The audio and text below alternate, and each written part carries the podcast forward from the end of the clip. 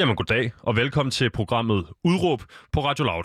I dag skal programmet handle om regnbuefamilier og forældrenes juridiske ret til at være netop forældre. For øh, har man ikke lige så meget ret til på alle måder at blive betegnet som forældre til det barn, øh, man har været med til at opdrage, elske og passe på øh, i samarbejde med andre forældre, bare fordi man lever i en øh, ukonventionel familiekonstellation og ikke deler DNA med barnet. Det er blandt andet nogle af de ting, som vi skal tale med dagens gæst omkring, nemlig Jakob Ropsø, der er 24 år gammel, nyligt tiltrådt landsformand for Radikale Ungdom, øh, politikstuderende, læser øh, ikke kommunikation, men læser lige øh, på RUK for øh, og har i forrige uge skrevet debatindlæg i politikken, hvor han netop skriver om regnbuefamilier og deres rettigheder. Velkommen til, Jakob. Mange tak, mange tak. Og øh, Jacob, det var en uh, djævnslang uh, introduktion, men blandt andet ting, der springer mig i øjnene, det er uh, nyligt tiltrådt landsformand. Vil du uh, lige for, svare på to spørgsmål her, nemlig nummer et, uh, hvornår er det sket, og hvordan, uh, hvordan er oplevelse, og nummer to, landsformand og ikke landsforperson, hvad er det for en uh, dialog, der foregår ude i uh, Radikal Ungdom? Ja tak. Jamen, vi havde landsmøde i Roskilde her fra den 4. til den 16. august, hvor jeg tiltrådte som landsformand den 15. august. Så øhm, det var meget stille og roligt, men allerede den 14. august, der havde vi faktisk den her store debat omkring, hvorvidt det skulle være landsfor person, eller landsformand, eller landsfor kvinde for den sags skyld. Og der vedtog vi, at det faktisk skulle være landsfor person i alle vores vedtægter. Men der er også en vedtægt, der betyder, at man selv kan titulere sig, som man vil. Derfor har jeg valgt, sammen med min næstformand, Karoline, valgt at titulere os som formænd. Så altså Jakob og Karoline, landsformand og landsnæstformand. Yes. Modtaget. Præcis. Jamen, øh, Jakob, det er jo heller ikke også, der skal være øh, PC-police herinde på øh, radiokanalen. Jeg kan bare mærke, at det er en øh, tendens øh, ude i det danske øh, ungdomspolitiske landskab, mm. øh, at øh, gøre op med de her klassiske titler. Men nu øh, har vi jo fået svar for sagen. Jakob, øh, udover øh, at øh, du har den her lange, fine introduktion for en øh, relativt ung mand, så er du øh, i øvrigt hvid, ciskønnet og heteroseksuel. Øh, hvorfor er det dig, der skal blande dig i debatten om øh, regnbuefamiliers rettigheder? Men Jeg tror, min del af debatten skal være lidt anderledes end nogen andres måske. Jeg skal turde lytte, og jeg skal lære at forstå. Og så skal jeg kigge på, hvor kan jeg være med til at lave en forskel. Sådan til, at jeg for eksempel snakker med nogle af de LGBTQ-personer, som jeg kender, og jeg er venner med, øh, og også nogle, som jeg ikke er venner med naturligvis, sådan til, at jeg kan blive klogere på emnet, og jeg kan se, hvor kan radikal ungdom, og hvor kan vi gøre, hvor kan vi gøre en forskel i samfundet, sådan til, at det bliver nemmere at være den person, man er. Og øh, Jacob, jeg står herinde på Radio Loud og laver programmer med en masse unge, idealistiske, håbefulde, øh, intellektuelle, alt muligt, øh, positive buzzword mania, der ud af unge mennesker, der kan alt muligt fedt. Øh, der er mange, der snakker om øh, rettigheder for øh, LGBTQIA plus personer øh, og så videre. Er det her en gratis omgang, eller er der faktisk en kamp at kæmpe her? Der er virkelig en kamp at kæmpe her. Jeg synes, man har kunne se her under øh, Copenhagen Pride Week, at der faktisk er en virkelig, virkelig stor kamp at kæmpe. Jeg blev rigtig glad, da jeg trådte herind i øh, jeres studier i Radio Loud, fordi der var Pride-flag over det hele, og det gør jo en glad. Men vi skal også huske på, vi skal ikke kun fejre. Vi skal bruge Pride Moon til at fejre øh, der, hvor vi er kommet til i dag, men også til at informere hinanden og blive klogere på, hvor det vi skal hen i fremtiden. Sådan til, at vi kan få et bedre samfund, hvor der er plads til alle. Og øh, lige netop, hvem der er plads til, det er jo blandt andet de her regnbuefamilier, og det er det, vi skal snakke om i dag. Så jeg tænker, vil du ikke gøre mig, vil du ikke gøre lytteren, og i øvrigt måske producer mig derude, øh, en øh, tjeneste og forklare os, hvad er en regnbuefamilie? Jamen en regnbuefamilie, det er en familie bestående af LGBTQ-personer. Det kan være øh, et homoseksuelt øh, mandepar eller kvindepar, der også får hjælp til at få børn øh, med, med nogle andre udefra. Men en regnbuefamilie, det kan også være øh, et homoseksuelt øh, mandepar og et homoseksuelt kvindepar, der får et barn sammen, og dermed også vil have flere forældre indenover. Øhm, og det øh, leder jo så op til den øh, debat, vi har i dag. Men en regnbuefamilie kan have rigtig mange forskellige konstellationer, og jeg kunne stå her og snakke om, tror jeg, en halv time, hvordan det, hvordan det kan hænge sammen. Men øhm, generelt så handler det om, at øh, en regnbuefamilie er struktureret lidt anderledes end den klassiske familieforestilling, vi ligesom har i Danmark. Hvis øh, vi skal prøve at arbejde med begrænsninger her, altså er der nogle begrænsninger for, hvad en regnbuefamilie kan være? Kunne det i princippet være alle forældrene i en folkeskoleklasse til et barn? Altså en konstellation af 48 forældre? Uha, det er godt nok et stort spørgsmål. Øh, det vil jeg ikke umiddelbart vurdere, nej. nej. Øh, men det kommer vi også ind på senere, ved jeg, i forhold til, hvor mange forældre, der kan være, i, der, der, der i mit hoved og i min øh, opfattelse, bør kunne være til sådan et, øh, til sådan et regnbuefamiliebarn. Og Jakob, det er jo øh, en ud af mange ting, vi skal snakke om. Jeg glæder mig til det. Jeg vil lige skynde mig at sige, at øh, jeg står på den her side pult. Mit navn er Vitus Robak. Det er mig, der har været den næste times tid. Og Udråb er jo øh, som bekendt Danmarks eneste ungdomsradioprogram, der giver en gæst en time til at folde sin holdning ud. Og det gør vi selvfølgelig for at kunne komme rundt i alle krone og blotlægge alle nuancerne. Men Jakob, i dag så skal vi øh, som sagt tale om juridisk forældreskab i regnbuefamilier. Og før vi går øh, ned ad den sti, så vil jeg sige derude til lytteren, øh, som sædvanligt, hvis du sidder derude med din holdning, og du mener, at den skal deles på radioen, så ringer du bare ind på 47 92 47 92. Øh, så skal vi nok øh, se om du er øh, en, vi skal have igennem. Jakob, tilbage til det, vi kommer fra her. Øh, juridisk forældreskab i regnbuefamilier, øh, og hvorfor du mener, at den danske lovgivning på nuværende tidspunkt diskriminerer LGBTQ plus øh, personers rettigheder, øh, og derfor trænger til en form for en opgradering eller en opdatering. Øh, vi skal også tale om nogle andre punkter på radikale ungdomsdagsorden, når det kommer til kultur, ret og ligestilling, og nogle andre punkter på jeres politiske dagsorden, når det kommer til det her emne, øh, og øh, transkønnede person, eller hvad hedder det, queer-personers rettigheder osv., og så skal vi også tale om, hvordan vi både som enkeltpersoner, politikere og som en hel nation kan skubbe til normerne og gøre tilværelsen nemmere for medlemmer af LGBTQ øh, plus øh, miljøet. Det tror jeg bliver den øh, orden, eller den øh, forkortelse, jeg kommer til at bruge i dag. Jeg tror også, det er den, du bruger, ikke, Jacob? Øh, ikke, at vi ikke anerkender, øh, anerkender IA, men det er det, der øh, hører ind under plus. Jakob, her i programmet, øh, der opererer vi jo med et udråb, altså en, øh, et, et, et statement, en sætning, der kan indkapsle din holdning i forhold til dagens emne. Hvad er dit udråb? Det skal være juridisk muligt at være en øh, regnbuefamilie. Og øh, nu fik vi øh, klarlagt før, hvad en regnbuefamilie er.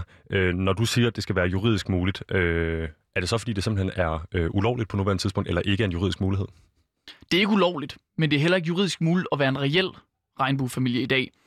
Hvis vi kigger på det helt grundlæggende, så er det kun muligt at være to øh, juridiske forældre i dag. Det betyder, at hvis du er en regnbuefamilie, hvor der er tre eller fire forældre, eksempelvis som der er i mange konstellationer, så er der en eller to af de her forældre, der bliver en social forældre, og derfor ikke har de juridiske muligheder. Det kan både handle om barsel, overlov, barnets første sygedag osv., men det kan også handle omkring, hvad der sker efter en eventuel skilsmisse, hvor man faktisk ikke har nogen juridisk, øh, noget juridisk belæg for at være, have sammen, at kunne være sammen med sit barn. Øhm, det synes jeg er en ret vigtig debat egentlig at tage op, fordi det handler nemlig omkring, hvordan vi kommer ud af nogle firkantede gammeldags kasser af, hvordan familie er. Og det synes jeg faktisk er en ret vigtig debat at tage op, og også en ret vigtig kamp at kæmpe, sådan at alle mennesker kan få lov til at være øh, og have en familie, have et barn. Øhm, uanset hvordan man måske er født og opvokset.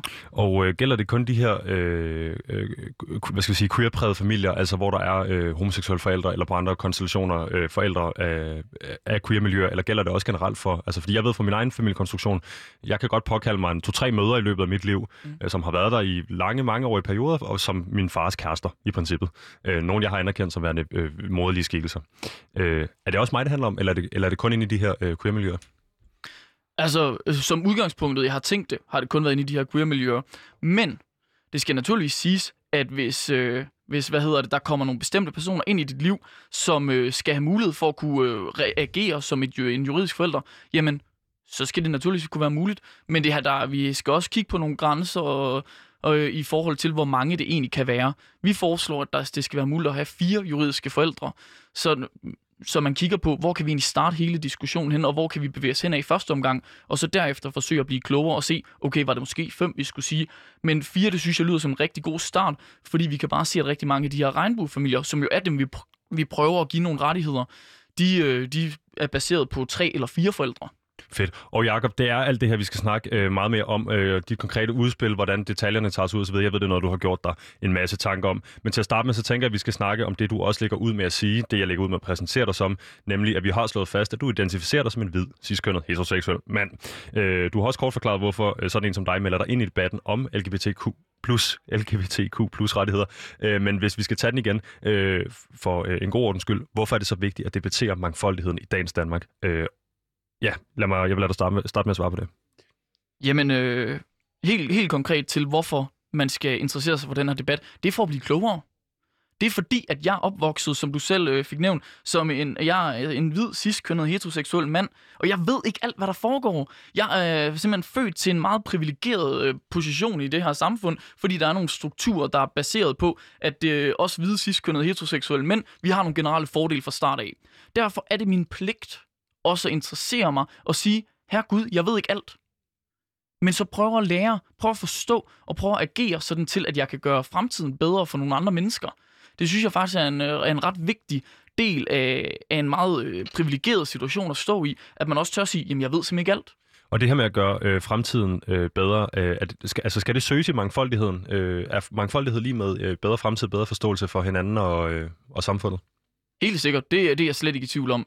Det handler om øh, gradvist at blive klogere og klogere og klogere på hinanden og på forskellige strukturer, på forskellige mennesker hvis vi kigger øh, 100 år, 70 år, 30 år tilbage bare, jamen der havde vi ikke nogen forståelse på samme måde som i dag, for at øh, mennesker var født øh, homoseksuelle. Der så vi det først som en ulovlighed, så derefter som en psykisk sygdom. Men vi er blevet klogere, og jeg synes, vi skal, vi skal være bedre til at sige, at vi forstår ikke alt, men vi skal i hvert fald prøve at acceptere og prøve at danne nogle rammer, sådan til at alle kan føle sig som en del af samfundet, uanset hvordan man er født.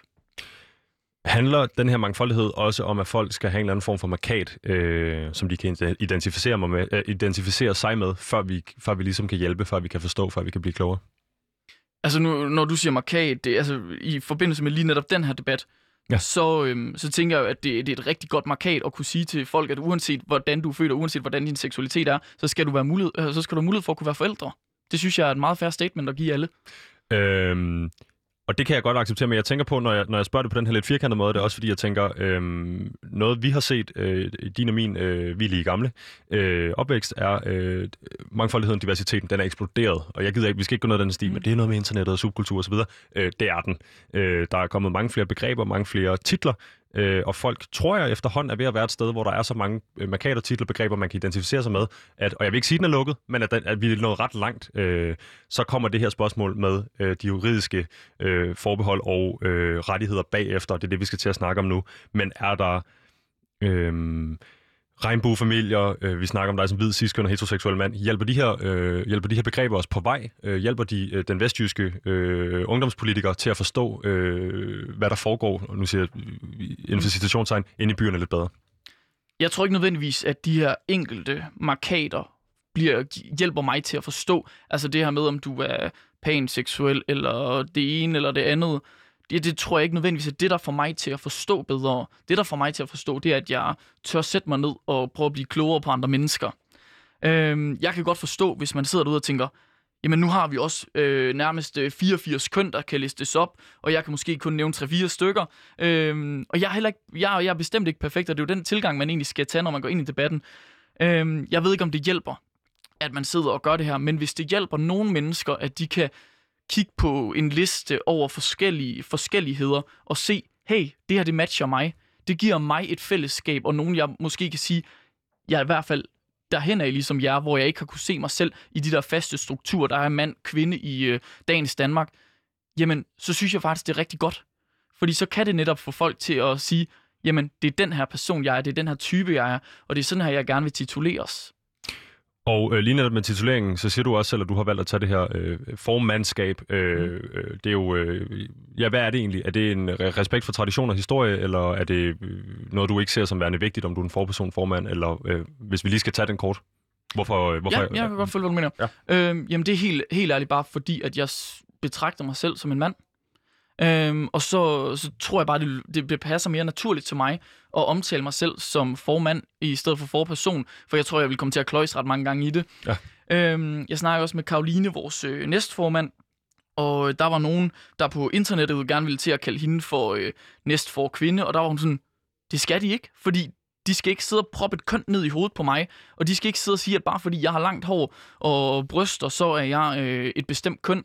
Jeg kan da titulere mig præcis, som jeg vil. Lige så vel som jeg også kunne kalde mig landsfor kvinde, hvis det var det, jeg havde lyst til. Ja, præcis. Så det øh, var bare lige for at give dig muligheden for at svare på det. Ja. Øh, jeg tænker, øh, i forhold til, nu er det dig, der står her i studiet, det er dig, der har skrevet det debattenlæg. Det er dig, der øh, prøver at løfte den her, øh, den her diskussion, den her debat op på et lidt højere niveau. Jeg kan også forstå øh, på dig, at noget af det, det handler om for dig, det er at stille sig til rådighed. Øh, vi har lige været gået igennem øh, en lang periode med øh, Black Lives Matter demonstrationer osv., hvor øh, vi som øh, hvad hedder det, etnisk hvide danskere har fået at vide, det er ikke jeres kamp. Altså, I må godt deltage, I må gerne bakke op osv., men, men, men prøv, prøv at søge de øh, People of Color initiativer, der er i forvejen osv. Mm. Øh, og, og du har også svaret på, hvorfor du mener, at det også er vigtigt for dig. Øh, er der noget ved det her, er der noget af det her, der har noget at gøre med den der vestjyske samvittighed, øh, og, og, det, og de privilegerede at gøre? Nu, nu må du også give lidt igen, eller er det bare en kamp, der ligger lige til højbenet for dig? Jeg tror, det handler meget om, at det skal være en kamp for alle. Hvis kampen den skal vindes, så skal vi have alle med. Så skal vi også have ham, den hvide sidstkønnede mand fra Vestjylland, med, sådan til at vi kan kæmpe kampen sammen og få lavet de her kulturændringer og få lavet de juridiske ændringer. Så, fordi jeg står altså, hvis vi skal kigge på dagens Danmark, det er forkert, men jeg står i en rigtig privilegeret situation.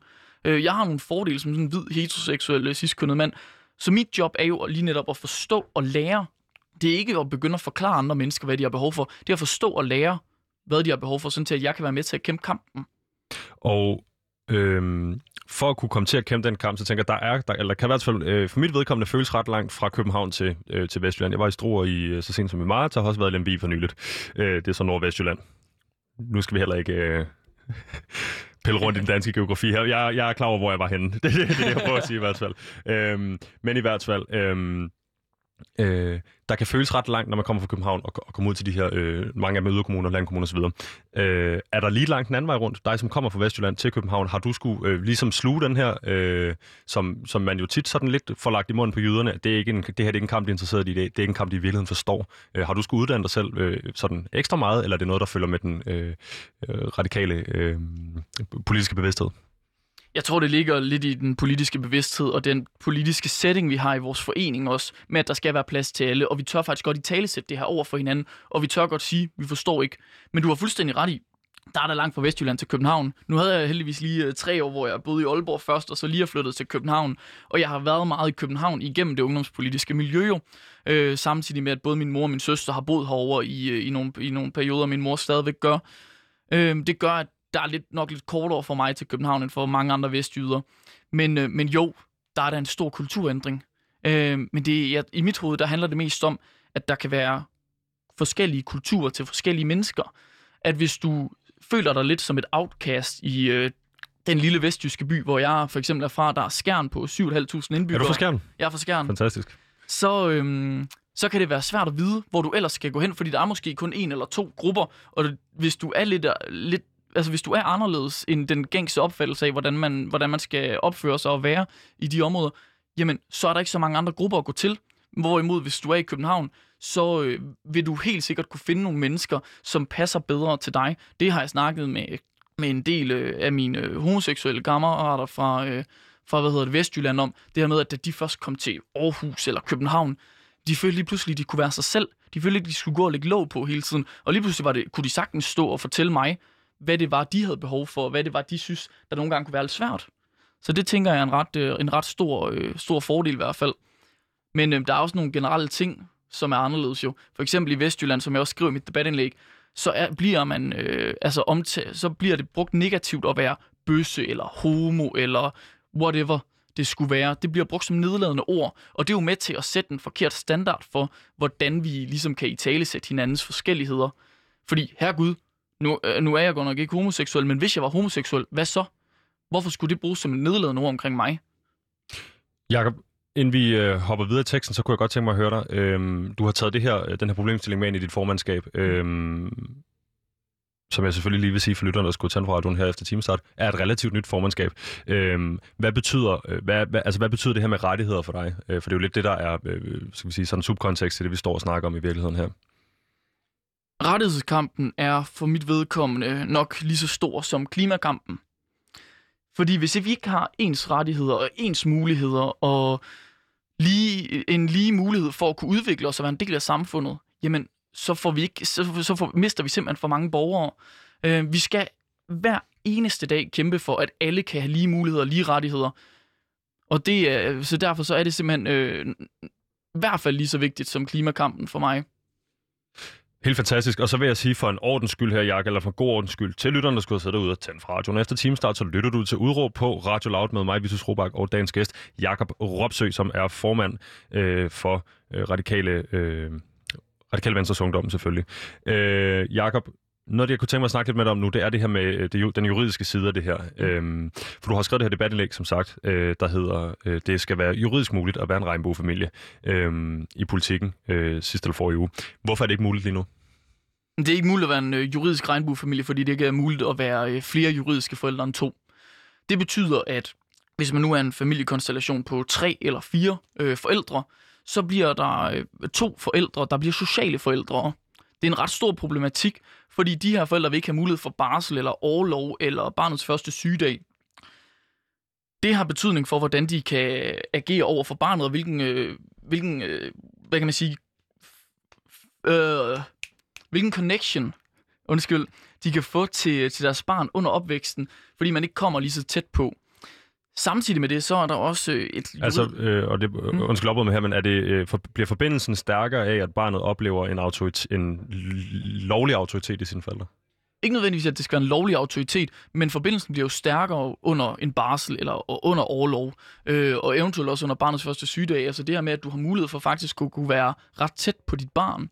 Øhm, sådan til, altså man ved det her med, at barnet spejler sig ret meget i sine forældre, øhm, og hvis barnet ikke har mulighed for at spejle sig i øh, en eller to af sine forældre under øh, de, det første halve år måske, jamen, så får du ikke den samme connection til dit barn. Det er der i hvert fald ret stor evidens for, rent øh, psykologisk. Jeg tænker helt grundlæggende, så ligger der jo også en, øh, en eller anden form for værdianskuelse øh, i det her, som er, hvorvidt øh, de her, øh, nu snakker du om forskellen på juridiske og sociale forældre, mm. men hvorvidt de her øh, øh, sociale forældre, der ikke deler øh, DNA med barnet nødvendigvis, eller genmasse, øh, også er øh, lige så meget forældre, så at sige. Er, er det for dig fuldstændig øh, åbenlyst? Altså selvfølgelig er man det. Ja, det er det faktisk. Men det har også været noget med, at jeg skulle vende mig til. Altså, man, man skal, vi har nogle gængs øh, tanker omkring, hvad en familie er. Og der er det jo farmor og børn, der, øh, der har sex, og så ni måneder efter, så er der et barn, øh, hvor de begge to har x antal kromosomer i det her barn. Men sådan fungerer verden bare ikke altid. Vi kan også se, at øh, folk, der adopterer børn, de vil lige så meget forældre til deres børn, også selvom de ikke har øh, de her øh, forskellige biologiske sammensætninger med barnet. På samme måde så er man lige så meget en forælder til et barn, hvis det er ens kæreste, der øh, har et øh, barn med en af modsatte køn. Øh, biologisk, så kan du også godt lige så vel være forælder dertil. Ja, jeg vil i hvert fald sige, kom dig i møde og sige, jeg, jeg oplever, at de søskende, jeg har ud af de her øh, konstellationer, hvor, mm. hvor mine forældre altså, er tidligt skilt øh, i mit liv, øh, jeg er i hvert fald ikke i tvivl om, hvorvidt de søskende er mine søskende. Øh, så kan det være noget andet med de forældre. Øh, Jakob, øh, på nuværende tidspunkt, så har vi en lovgivning, øh, som du mener øh, i et eller andet omfang diskriminerer med det, øh, mod det her øh, miljø. Hvad er problemet med den her konstellation? Sort på hvidt. Altså, hvad er det, vi skal ændre på? Sort på hvidt, så skal vi ændre det sådan til, at man kan være fire juridiske forældre. Det er det første skridt, vi skal hen imod. På den måde så sikrer vi i hvert fald, at øh, langt størstedelen af alle regnbuefamilier kan øh, sættes ind under den her konstellation, så alle øh, sociale forældre kan blive til juridiske forældre igen og få de her rettigheder og få de her muligheder for at være sammen med barnet. Derudover så skal vi jo øh, så kan vi kigge ekstra videre på bagefter. Okay, fungerer det så med fire forældre? Skal det være tre, eller skal det være fem juridiske forældre? Jeg synes, fire er et rigtig godt udgangspunkt at tage, øh, fordi det tit er der, vi ser øh, grænsen, den, øh, den går ved de her regnbuefamilier. Øh, og så skal vi give, der, dermed også give mulighed for, at man kan være flere, der deler barslen, sådan til at hver forælder måske har en fjerdedel af barslen, eller øh, hver forælder måske har en femtedel af barslen, og så øh, den sidste femtedel, den går til fri disponering mellem de forskellige forældre. Sådan til, at det kan være, at der er nogen, der, har, der bruger mere tid med barnet end andre jo. Øh, der siger du noget meget interessant der, som jeg tænker, at jeres grundtanke jo langt hen ad vejen er øh, frihed under ansvar osv. Mm. Det, der er ikke nogen grund til at lovgive, øh, lovgive unødvendigt meget. Øh, hvis man endelig går ind og laver det åbent, altså de her lovgivninger selvfølgelig, så vidt jeg forstår, der skulle være til for at, at fjerne en diskriminativ øh, lovgivning, som ser ud på nuværende mm. tidspunkt, efter, efter din mening. Øh, skulle man så ikke bare øh, give de her familier de muligheder, de har, uden at skulle gå ned i at definere, hvor lang barsel skal være for det individuelle menneske osv.? Øh, er det ikke en, er det en god, god mulighed for i øvrigt også at give barselen fri øh, mm. og, og fjerne nogle, øh, nogle begrænsninger? Altså der vil jeg sige, det er, det, det er en helt anden debat, vi træder ind i der, og øh, jeg jo den lige ind nu her, men det er, også, det er faktisk en ret relevant debat alligevel også til det her, når vi kommer dertil. Og vi skal ikke snakke bare, som jeg kunne bare godt tænke mig at høre, hvis man, man endelig er i gang med at, at, at kunne fjerne et lovgivning, skal man så ikke gå hele vejen? Nej, det synes jeg ikke nødvendigvis. Vi har alt for mange problemer i forhold til barsel og ligestillingsproblematikker i dag, så derfor så skal vi simpelthen være nødt til at detaljstyre, at øh, i hvert fald, at der er øremærket barsel til manden på en tredjedel af barselsperioden.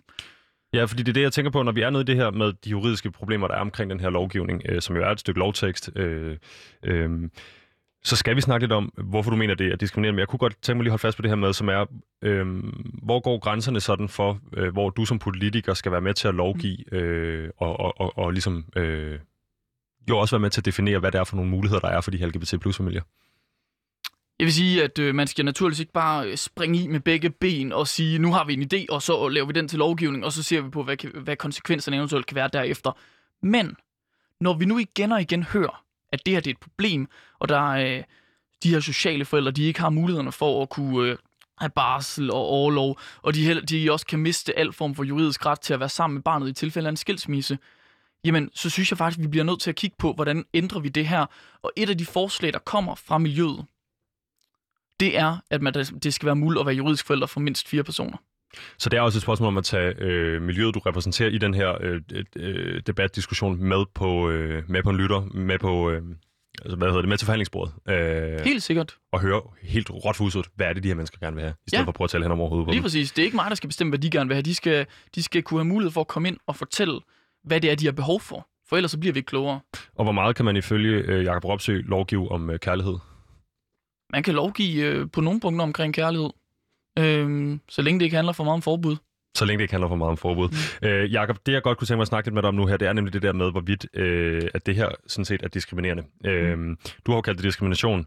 Øh, hvordan, hvordan, altså, jeg er godt klar, eller jeg, jeg tror, jeg, som repræsentant for lytteren, vi forstår godt, at en lovgivning kan være øh, diskriminerende. Jeg kan bare sige Jim Crow, og så tror jeg alle er med på, hvad jeg mener. Øh, hvordan er den her øh, lovgivning diskriminerende? Den her lovgivning er udelukkende diskriminerende, fordi den er sat ind på kun at lave, lave hvad kan man sige, de, de normale familiekasser, altså de her traditionelle familieidéer med far, mor og børn. Øh, altså lave det til den eneste mulighed for at være en juridisk familie. Vi skal tillade at, øh, at ændre loven og ændre familieforståelsen i Danmark, sådan til at man kan være en familie på andre måder end den måde, man forstår det på øh, tilbage fra, ja, så lang tid man nærmest kan huske. Så det her måske øh, i virkeligheden kun diskrimination, så længe det får lov at øh, bestå på måden, det er i dag? Ja, men jeg tror, altså hvis lovgivningen den bliver lavet om til, at man kan være, øh, være flere juridiske forældre, jamen så er det jo ikke længere diskriminerende over for øh, regnbuefamilier eksempelvis. Og dermed så vil det også være juridisk muligt rent faktisk at være en regnbuefamilie. Og vi skal, øh, det lover jeg både dig, Jacob og lytteren, øh, vende tilbage til nogle af de ting, der er på jeres partiprogram, og øh, i øvrigt ting, som har med den her debat at gøre, lige om snart lidt senere i programmet. Jeg kunne godt tænke mig, inden vi hopper videre, lege en lille leg. Selvfølgelig selvfølgelig nævner over for lytteren, hvis du sidder derude og gerne vil blande debatten, 4792, 4792, så får du fat i skønne producer mig, der sidder derude klar til at tage telefonen. Men... Øh, Øh, nu er det jo dig, vi har studiet, Jacob, og det er dig, øh, og, hvis holdning, eller din holdning, øh, jeg gerne vil øh, lære lidt øh, bedre at kende. Øh, Hvordan tror du, det her kunne påvirke, øh, hvad hedder de, øh, medlemmer af det traditionelle øh, familiemønstre? Umiddelbart tror jeg ikke, det vil påvirke dem overhovedet. Altså, du kan stadigvæk have den helt traditionelle og naturlige, øh, øh, eller ikke naturlige, det lyder forkert, men den helt traditionelle øh, familieform og den, den gammeldags forståelse af, hvad en familie er. Og det er jo det, der faktisk er sjovt det er jo derfor, jeg kommer til at sige den naturlige familieform nu her. Og det er fordi, der stadigvæk er nogle ting op i min hjerne, der ligger så meget op af de der normale kasser og bokser øhm, af, hvad en traditionel familie er. Øhm, og derfor kommer jeg til at kalde det for en naturlig familie ved en fejl. Fordi det er ikke nødvendigvis den naturlige måde at være familie på. Der kan være mange forskellige måder at være en familie på i dag. Øhm, men det kommer ikke til at ændre på, at hvis jeg øh, skulle få mig en øh, kone og et barn, jamen, så ville vi stadigvæk kunne være familie på, præcis, på den helt traditionelle øh, måde. Og øh, lige netop det der med, med kasserne og så videre, der skal vi jo selvfølgelig bare slå fast, at vi ved, at øh, dine intentioner på det her område øh, var gode, og det er alle sammen godt. Men jeg laver altså også de her fejl en gang imellem, og får sagt øh, nogle, nogle ting, der er øh, både grum og grov, øh, uden, øh, uden øh, negative intentioner. Så den lader vi hænge der. Jakob, øh, her til sidst, øh, inden vi skal lege en lille leje, øh, er det her... Øh, altså, du, nu siger du, øh, I gerne vil invitere hvad hedder, regnbuefamilierne med til bordet, med til forhandlingsbordet osv. Betragter regnbuefamilierne det her som et, øh, et, et skridt på vejen mod bedre rettigheder for dem og LGBTQ-miljøet? Plus. Jeg vil i hvert fald sige, dem jeg har talt med omkring lige netop det her, de er rigtig glade for, at vi tør sætte fokus på det, og vi tør lytte til, hvad de siger, og vi tør sætte det med videre i politiske diskussioner. Øhm, så, så vidt som jeg har forstået i hvert fald, så, så, så er de rigtig glade for det. Der kan også godt være nogen, der sidder og siger, okay, prøv at, du er en hvid, ciskønnet, heteroseksuel mand, vi gider egentlig ikke, at du taler på vegne af os. Og hvad siger du til dem? Der siger jeg, det kan jeg egentlig godt forstå, men jeg ved, der er nogen, der også godt kunne tænke sig, at jeg gjorde det og er glad for, at mennesker, der ikke nødvendigvis lever i det, tør forstå og lytte og prøve at kæmpe for andre mennesker. Øhm, så jeg siger, at øh, nogle gange, så kan man ikke gøre alle glade. Og så tror jeg vel også, du og jeg kan blive enige om, øh, eller det er ikke enige om, det er et tal, og det er fakta. Jeg, jeg har ikke talt med i dag, for det var for et program, vi lavede for et par uger siden, men at der altså er underrepræsentation af queer-personer i Folketinget, hvis man holder mm. dem op imod, hvor mange der er ude i det danske samfund. Derfor tænker jeg jo også sådan rent statistisk set, hvis øh, nogen skal kæmpe den her queer-kamp, øh, og der ikke lige er folketingsvalg øh, nu her, øh, så er det også nogen som øh, dig, øh, Jakob Ropsø, som vælger at tage den her øh, blandt andet på sine skuldre og, og, og arbejde med den problematik. Øhm, så skriv til Jacob Ropsø, hvis du sidder ude af en queer-person, der gerne vil have, have, have, have din uh, sag på dagsordenen. Det, Lige præcis. det håber jeg ikke for meget sagt, Jacob. Nej, det må du meget gerne, og skriv endelig, hvis det er. Øhm, det vi jo også gør, vi har faktisk taget det her med videre til Radikale Venstres for, øh, hvad hedder, landsmøde, og øh, det er en resolution, vi har stillet, som er gået igennem uden, øh, uden debat. Så det, er, det, bliver, det skulle gerne blive radikal politik herinde øh, i løbet af september måned. Jakob, jeg vil sige øh, til lytteren, der sidder derude og skulle have startet, øh, tænd for deres radio efter timestart. Øh, du lytter til øh, Udråb hedder vi på Radio Loud. Øh, mit navn er Vitus Robak, og i dag er min gæst Jakob Ropsø. Han har udråbet, at det skal være juridisk muligt at være en regnbuefamilie. Det er det, jeg udråber, han er med i studiet i dag. Nu skal vi til at lege en lege. Er du med på det, Jakob? Jeg er med. Det er nemlig tid til at lege øh, en af mine yndlingslege her i studiet, nemlig lejen Skyd på. Og det går sådan set bare ud på, at jeg læser nogle af de kommentarer op, som dit debatindlæg har fået. Så må du gerne prøve at forholde dig til øh, de kommentarer, om du er enig, om det er en god pointe, eller om du synes, den er helt øh, gak. Er du med på det? Jeg er med. Fedt. Jamen, så starter her. Jeg har taget tre med i dag. Øh, der er ikke nogen af dem, der er sønderligt søde. Øh, du er ungdomspolitiker og øh, kan, kan klare mosten. Øh, vi plejer lige at have en sød en med til sidst. Men jeg tænker, øh, jeg tænker du får nogle søde henvendelser rundt omkring for queer-miljøet i forvejen. Øhm, på øh, debatindlægget på politikken øh, skriver Nikolaj Nielsen følgende. Endnu en gal idé fra en radikal, når to voksne ikke kan finde ud af at dele børnene, når de går fra hinanden. når to voksne ikke kan finde ud af at dele børnene, og når de går fra hinanden, øh, hvordan kommer det så ikke til at se ud, når fire, seks eller otte regnbuevoksne skal blive enige? Altså, det lyder som om, at Nikolajs problematik her er øh, at, at, at køre den ud i en ekstrem. Hvad tænker du, når du hører det? Jamen, det er jo lige præcis derfor, vi også skal beskytte forældrene og beskytte børnene. Når vi laver den her politik, og vi gerne vil ændre det til fire juridiske forældre, så vil jeg gerne sige til Nikolaj, at øh, på den måde bliver det jo faktisk muligt for alle de her fire forældre at kunne have kontakt jo på grund af juridiske øh, belæg til børnene.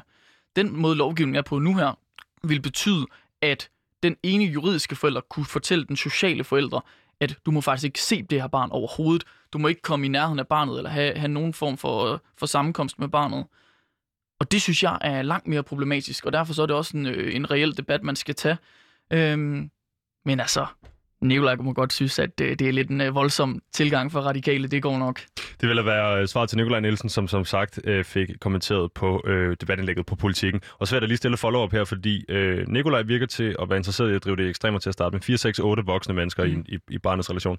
Jeg sagde det, inden der var gået to og et halvt minut af det her program. Hvad nu, hvis hele klassens forældre, alle 48 til 24 børn, valgte at blive forældre til et barn? Er det noget, du oplever tit, at sådan nogen som mig fra øh, medieverdenen, eller sådan nogen som Nikolaj, øh, nogle... Øh, Facebook haters gerne vil lægge det i munden på dig, at det skal løbes ud i, noget, øh, i, en, i en ekstremitet? Ja, det sker jeg til. Men jeg tror også nogle gange, det er fordi, hvis man godt kan se, at det faktisk er ret god politik, vi foreslår, så vil man gerne få det til at lyde så voldsomt, at det ikke bliver god politik længere.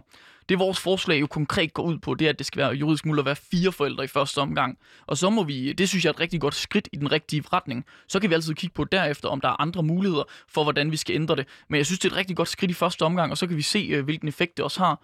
Øh, men jeg er stensikker på, at det vil i hvert fald give rigtig gode muligheder for regnbuefamilierne. Fedt. Og øh, der fik øh, Nikolaj Nielsen altså direkte svar fra øh, Jakob øh, Ropsø øh, på sin kommentar på politikken. Næste kommentar, jeg har taget med til dig, Jakob, er Claus Schandorf. Han skrev på Facebook på Radikale Ungdoms eget opslag. Øh, han skrev således, far, mor og børn er altså ikke noget, man leger. Øh, og så en, en mellemfornøjet smiley bagefter det her. Øh, ja, lad folk gøre, som de vil, men lad være med at forsøge at tilpasse hele samfundets mekanismer øh, og strukturer til tusinde forskelligheder. Det lyder på mig, som om det her argument handler om, øh, at det, det, det bliver for stort, det bliver for meget, det mm. bliver for meget byråkrati. Hvad hører du, når, du, øh, når jeg læser det højt for dig? Jo, men yes, det kan godt være, at det bliver for meget byråkrati. Det synes jeg nu ikke. Jeg synes ikke, man kan lave for meget, for mange regler og for mange ændringer, for at alle mennesker kan kunne føle sig set og være en del af det danske samfund og kunne få lov til at være en familie. Det synes jeg bestemt ikke. Er det det radikale paradoks i virkeligheden med at, at, at, at gerne vil lovgive, så længe at, det, at lovgivning fritstiller og, og, mm. og giver mere frihed til folk, men egentlig gerne vil fjerne lovgivning der, hvor den... Øh, hvor, hvor du mener, eller I mener, den er overflødig ligegyldig? Det synes jeg er et rigtig godt, øh, et rigtig godt take på det. Jeg vil sige, at jeg er socialliberal fordi jeg gerne vil give folk frihed til at kunne være dem, de gerne vil være, og kunne, øh, kunne gøre det, de gerne vil gøre. Men jeg er også socialliberal, fordi jeg kan se, at hvis noget, hvis noget frihed bliver givet til dig, kommer til at tage friheden fra mig til at gøre, som jeg vil gøre, jamen, så mister jeg noget frihed på grund af, på grund af en frihed, jeg har givet til dig. Og det er ikke en, øh, det er ikke en god mulighed, så. Øhm, der skal være frihed til forskellighed. Og så til Claus derude, øh, der skal være frihed til forskellighed, også i lovgivning. Lige præcis. Modtaget sidste besked, jeg har taget med her fra Inger Pedersen. Hun skriver også på øh, politikens deling af øh, debatindlægget. Hun skriver således. Ja, god arbejdsløs til familieterapeuter og psykologer, og til pædagoger i vuggestuer og børnehaver, der skal sørge for at inddrage samme antal i barnets liv i institutionen, samt på neutral vis at orientere alle om institutionens værdier og pædagogik, og diskutere dette på lille vis, både før, efter, øh, både før og efter en eventuel øh, skilsmisse. Hvad tænker du, når du hører den fra Inger Pedersen? Mm, det er vel et lige så stort problem i dag, som det er, hvis vi laver den her lovgivning. De sociale forældre skal stadigvæk være en del af, hvad hedder det, opvæksten, og skal stadigvæk være en del af, øh, hvad hedder det, af de her institutioner. Det er de også i dag. De er en lige stor del af barnets opvækst og barnets opdragelse og barnets relation til de forskellige institutioner. Den eneste forskel er bare, at vi gør dem til juridiske forældre her, så de får nogle juridiske muligheder for faktisk at kunne sige, mit barn trives ikke på den her skole, derfor skal vi have flyttet barnet over på en anden skole. Så, du kommer ikke til at være bange for forældremødekonstellationer, hvor der er øh, otte forældre, der møder op for, eller fire forældre, som du mm. egentlig siger, nu skal der være med overdrive, fire forældre, der møder op øh, for at repræsentere det her ene barn, og, og det bliver noget, et værre mismask. Nej, fordi det er der stadigvæk i dag. Den eneste forskel er bare, at der er nogle af dem, der er sociale forældre, og der vi så vil gøre dem til juridiske forældre. Jo tak, og jeg vil sige, der var lige øh, en varm linje der, øh, masser der ringede ind på samme tid, øh, og det vil sige faktisk kom til at spænde ben for hinanden, det har jeg ikke oplevet mm. før. Øh, ring ind igen, hvis du sidder derude, øh, vi vil gerne snakke med jer. Jakob, Tak fordi du vil lege med på Skyd på øh, her i Udrup på Radio Loud. Jamen, øh, og jeg vil sige, øh, nu har vi lige fået lejet øh, en af mine øh, yndlingsleje med Jakob her Skyd på. Øh, har du tændt for din radio efter teamstart derude, så lytter du til Udråb på Radio Loud. Vi har Jakob Ropsø, formand for øh, Radikale Venstre Ungdom i studiet. Mit navn er, øh, som altid, Vitus Robak. Nu skal vi snakke lidt om øh, dig og dit nye formandskab, og vi skal mm. snakke lidt om de her vedtægter, jeg har lovet lytterne at fortælle om i forhold til transkønnet, øh, queer-personer og alt muligt andet godt.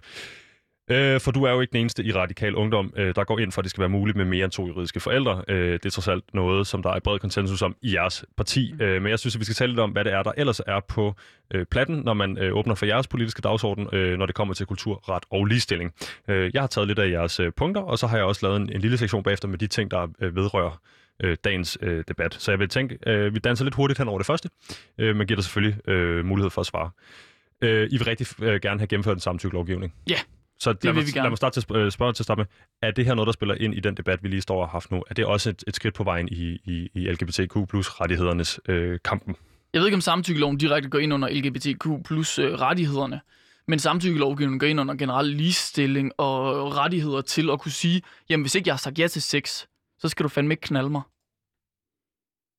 Det er altså ganske kort og kontant, fordi hvis ikke der er samtykke til sex, jamen så er det ikke sex, så er det et overgreb.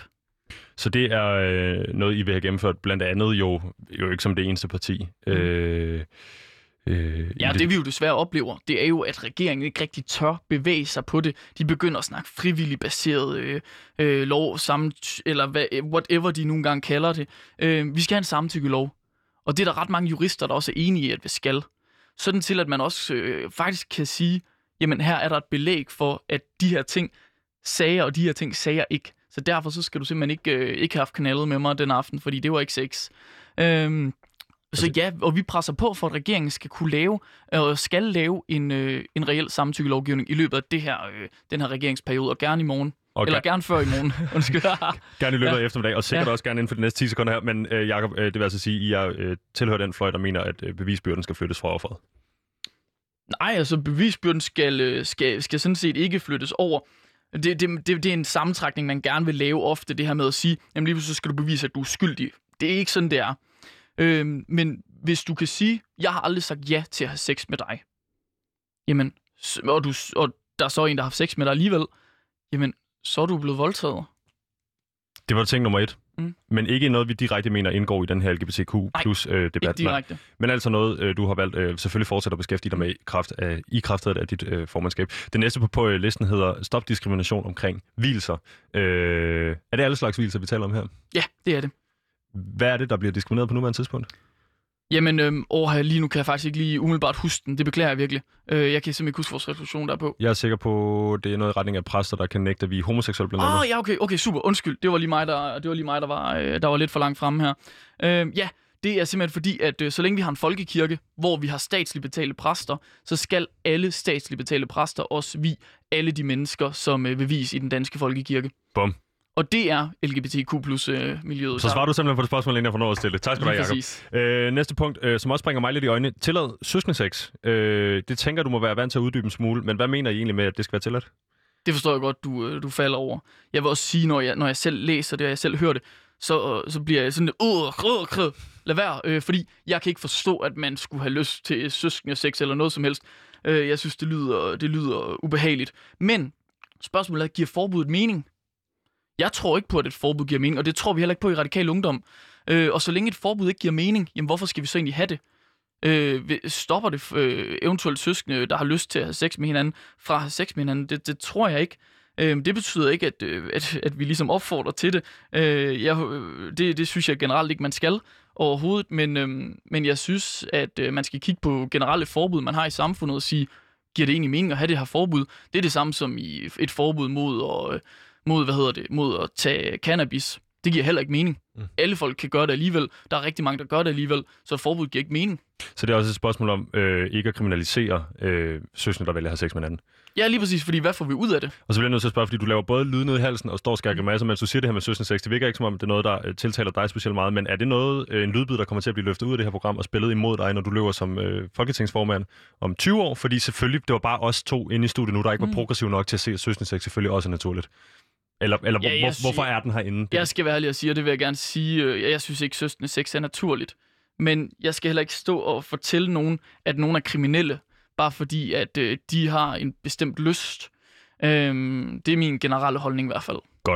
Øhm, det, da det ikke har noget at gøre lige umiddelbart, øh, da det mere har noget at gøre med dit formandskab, end det har noget at gøre med øh, den øvrige dagsorden på dagens program, så vil jeg lade det hænge her, og så vil jeg hoppe tilbage til nogle af de ting, mm. Som også står i jeres partiprogram, som har noget med det her at gøre, og så vil jeg sige tak, fordi du øh, fik afklaret lidt af det, du også skal til at stå på mål for nu, Jacob. Øhm, fordi de næste øh, punkter, jeg har taget med her, de ligger alle sammen under jeres øh, politiske program for transkønnedes rettigheder. Mm. Øhm, vi blev enige om, at de her øh, øh diskriminationer omkring hvilser så også ligger over i den her boldgade, men det handler også øh, om andre ting. Men afskaf krav om kirurgiske ændringer forud for anerkendelse af et kønsskifte. Øh, vil du prøve at uddybe det? Øh, hvorfor er det vigtigt for jer?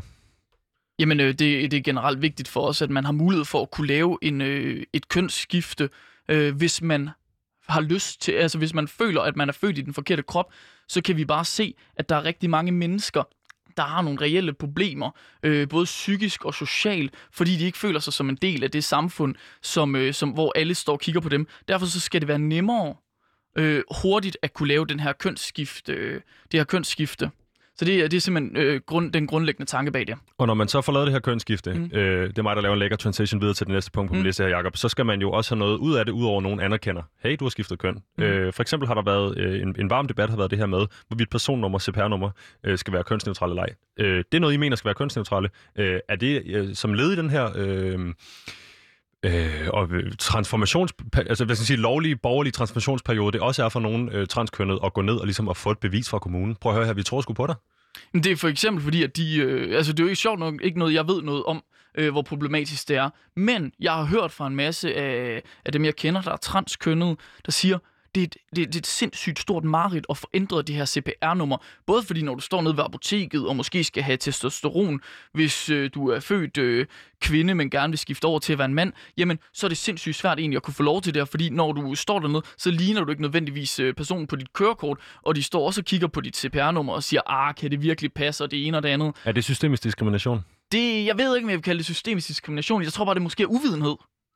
Og det tror jeg, synes jeg egentlig også er meget fair at sige, at folk er ikke altid vidne over for, hvilke ændringer det er, folk laver i deres, øh, deres liv. Øhm, så, så der, så, og, og kan ikke altid forstå. Øhm, det betyder ikke, at vi ikke skal begynde at acceptere og kigge på, hvordan vi kan indrette samfundet noget nemmere. Jeg tror, et rigtig godt skridt hen ad vejen, det er, at man laver øh, kønsneutrale CPR-numre. Sådan til, at du ikke får stoppet et tal og et køn i fjeset, lige fra du er født. Og hvor du dog kan, Jacob, for du, nu hjælper du bare mig her. For det næste, jeg nemlig vil snakke om, det var nemlig det her med, øh, nu siger du tal og et køn, så siger jeg et navn. Øh, I mener nemlig også, det skal være, øh, at navneloven skal ændres, så det er muligt at vælge et modsat køn navn. Øh, er det noget, der først skal kunne lade sig gøre for mig som et lo- øh, juridisk voksen menneske i 18-årsalderen, eller skal jeg også kunne give min... Øh, øh, min, hvis min dreng er født som dreng, øh, mm. eller det, der hedder tildelt dreng. Ja. ved fødslen, øh, det mandlige køn ved fødslen selvfølgelig, øh, og jeg må kalde ham Louise. Ja, det synes jeg godt, det må. Det vi jo faktisk, øh, TV2 har lavet nogle forskellige øh, dokumentarer, øh, hvor man netop har fulgt børn og unge mennesker, der fra barns ben af har set sig selv som et andet køn. Hvor det måske har været en lille dreng på 4-5 år, der ville i børnehaven med kjole på, og ville omtales som Louise. Men det er super svært for Louise så at skulle komme til fodbold eller det ene og det andet. Og hver gang der er navneopråb eller et eller andet, jamen så er Louise lige pludselig Mads. Øh, Det, er ikke, det tror jeg ikke er den fedeste, den fedeste opvækst at have, hvor du konstant bliver proppet noget i hovedet. Derfor så skal vi være lidt bedre til at kunne være fleksible. Øh, det kan jo godt være, altså hvis du tager modargumentet her imod, sådan det konservative modargument, så vil det jo være, jamen hvad nu hvis, øh, hvis Mads han ændrer, øh, eller Louise ændrer mening til igen og vil være Mads, jamen så skal vi da have mulighed for at kunne ændre i det. Mhm. Øhm, men jeg tror da ikke, det ville skade hverken Mads eller Louise at, øh, at kunne skifte navn i ny og næ, også over til et modsat kønnet. Og øh, den sidste ting på listen her. Øh, lad os sige, at Mads og Louise øh, har øh, en periode i sit liv, eller generelt har en opfattelse af sit eget liv, som hedder hverken Mads eller Louise noget helt tredje. Så mener I nemlig også, at der skal oprettes en tredje kønskategori til registrering af køn i Danmark. Øh, hvorfor? Det er jo i bund og grund, fordi at der kan være rigtig mange in-betweeners. Øh, vi kan så godt lide at sætte det i en kasse med, at enten så er du mand eller kvinde, og så kan du måske lige skifte over. Men det kan jo godt være, at øh, man ikke nødvendigvis opfatter sig som enten mand eller kvinde, men man måske opfatter sig som noget imellem. Og så synes jeg egentlig, det er meget fair, at man kan gå ind og sige, jamen, hvorfor skal du sætte kryds i en af de to bokse? Hvorfor kan du ikke trykke øh, sæt kryds i noget lidt ind imellem? Jamen, øh, Jacob, tak skal du have, fordi du øh, svarede på de her øh, ting fra partiprogrammet. Nu fik vi også lige uddybet øh, de her ting, som handlede om øh, transkønnede eller øh, queer-personer eller LGBT, LGBTQIA plus så videre personer. Mm. Øhm, det sidste, jeg gerne øh, vil snakke lidt med dig om, Jacob, det er det her øh, med Danmark som et forgangsland. Øh, fordi øh, hvis vi går ind og får skabt de her bedre juridiske rettigheder for regnbuefamilierne, øh, så er det ikke første gang i verdenshistorien, at man vil se det. Eller, den har jeg lige stående her. Jeg skulle mene, det er, det er ikke første gang, men det er rigtig, rigtig tidligt. Øh, jeg kunne så pege, på, hvad hedder de, øh, frigivelsen af pornoen. Øh, muligheden for at blive, øh, hvad hedder det, øh, videt øh, med et andet menneske af det samme køn. Der var vi ikke lige så hurtige. Men, men, men det, jeg godt kunne tænke mig at snakke med dig om, det er, øh, øh, som sagt, det her med Danmark som et forgangsland. Øh, ser du Danmark som et forgangsland, når det kommer til menneskerettigheder? Når vi kigger på menneskerettigheder, så ser jeg Danmark som et forgangsland.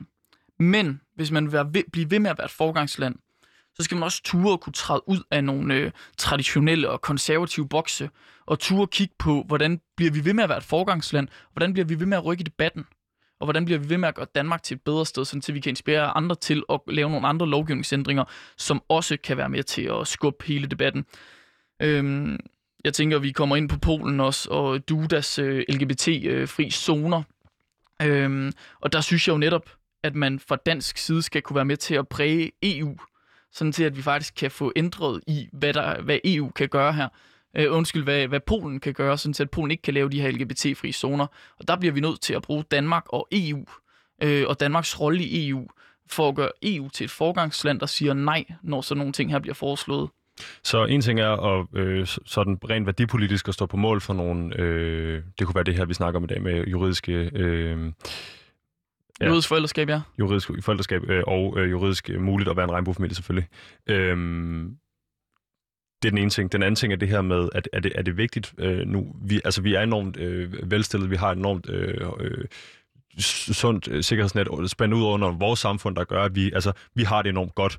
Mm. Øh, er, det, er det også den, der har det godt ansvar at sørge for, at alle i klassen har det godt, så at sige? Øh, er, det, er det et ansvar, vi har et andet sted også, eller er det bare et, et, et privilegie, at vi nogle gange kan få lov at være forgangsland?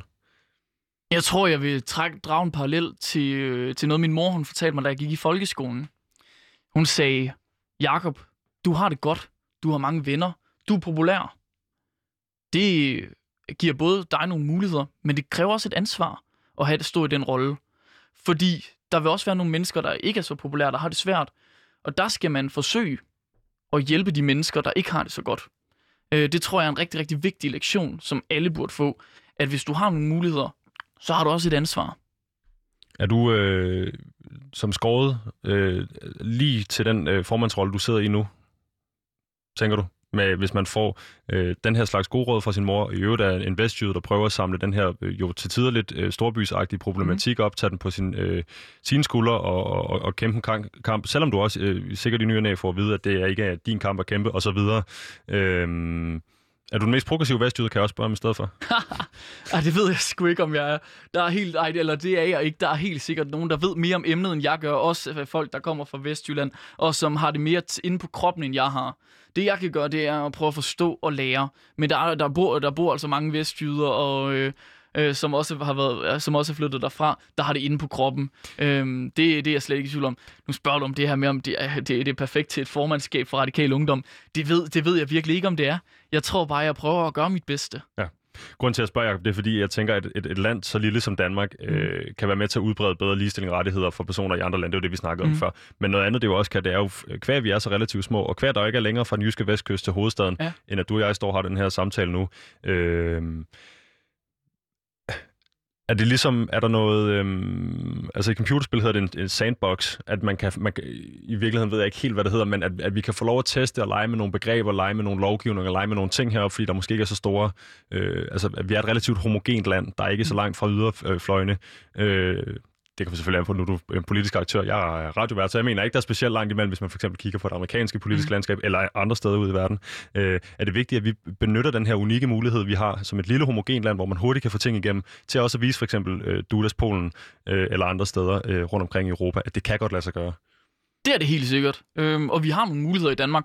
Øh, som du selv siger, så er vi ikke så langt fra hinanden. Det har noget med politisk polarisering at gøre. Og generelt, hvor man kan se i USA, at der er en helt anden tendens til det, hvor der simpelthen er had imellem politiske uenigheder. Mens i Danmark, der er ikke had mellem politiske modstandere personligt. Øh, på samme måde som i USA. Så derfor så skal vi også ture rykke nogle dagsordner. Vi skal ture og, og tage nogle chancer, så at sige. Og vi skal ture tænke lidt stort. For hvis vi glemmer at tænke stort, jamen så, så bliver Danmark altså bare et småt land. Og øh, nu nævner du jo selv det her med øh, USA, og øh, der er jo nærmest had øh, fløjene mm. imellem.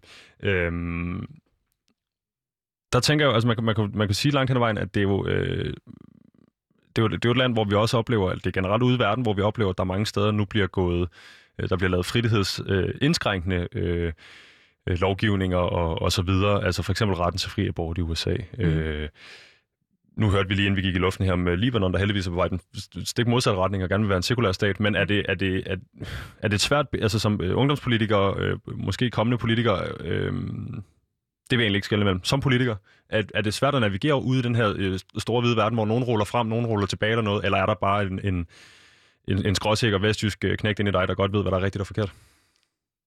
Jeg ved ikke nødvendigvis altid, hvad der er rigtigt og forkert, men jeg prøver da at navigere i det.